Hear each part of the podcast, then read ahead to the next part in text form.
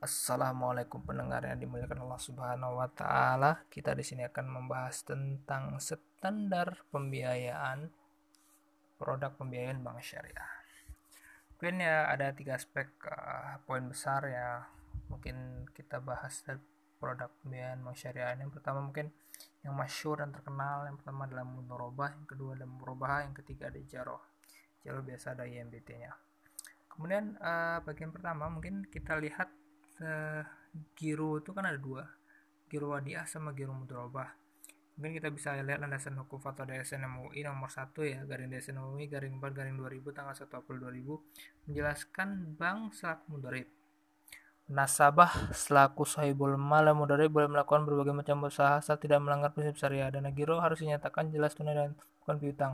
Pembagian keuntungan dinyatakan dalam nisbah, tidak diperkenankan mengurangi nisbah keuntungan nasabah tanpa persetujuan nasabah dan uh, produk penyimpanan dana di sini kan ada deposit mutolabah mutlako dan deposit mutolabah mukoyadah ya.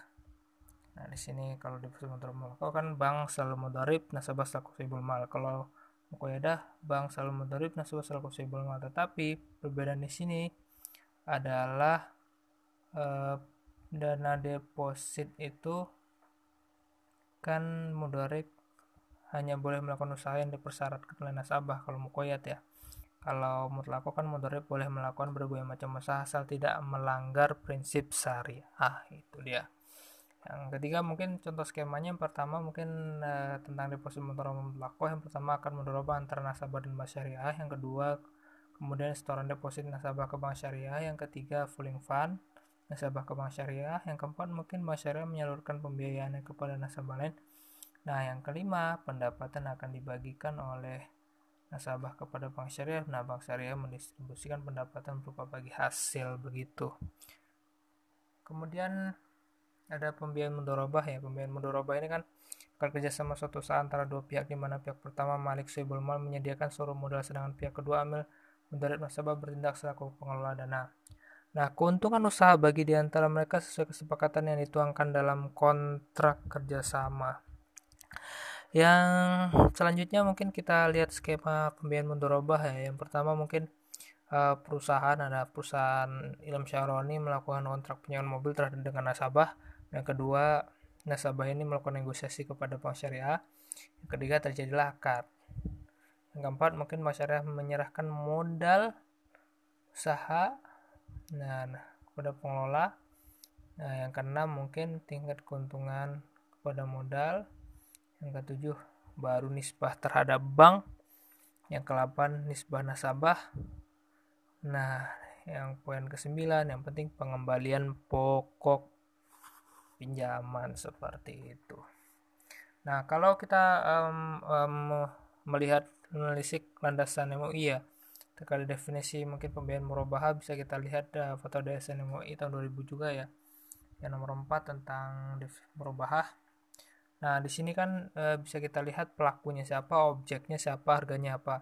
Nah, yang melatar belakangi e, memang e, dari kaidah fikih yang kita pelajari adalah sufil muamalah al-ibahah. Segala e, asal dari muamalah itu adalah al-ibahah, dibolehkan kecuali ada dalil yang mengharamkan.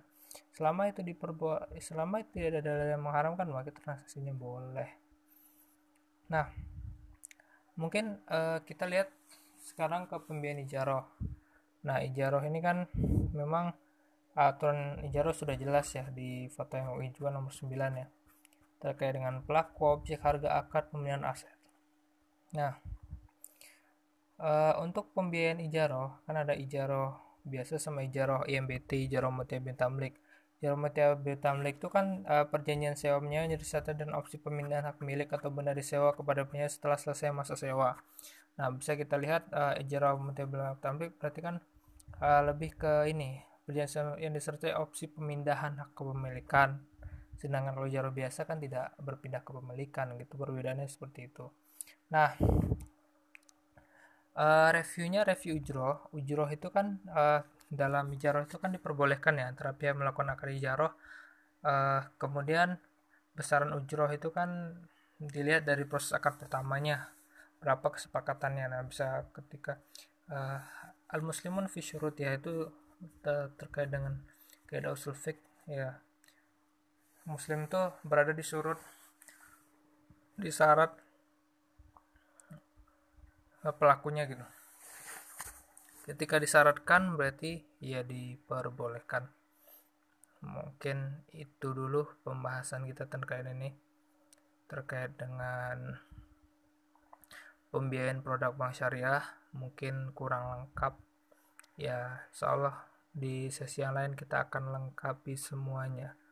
Oke terima kasih semua. Jazakumullah khairan kasiran wassalamualaikum warahmatullahi wabarakatuh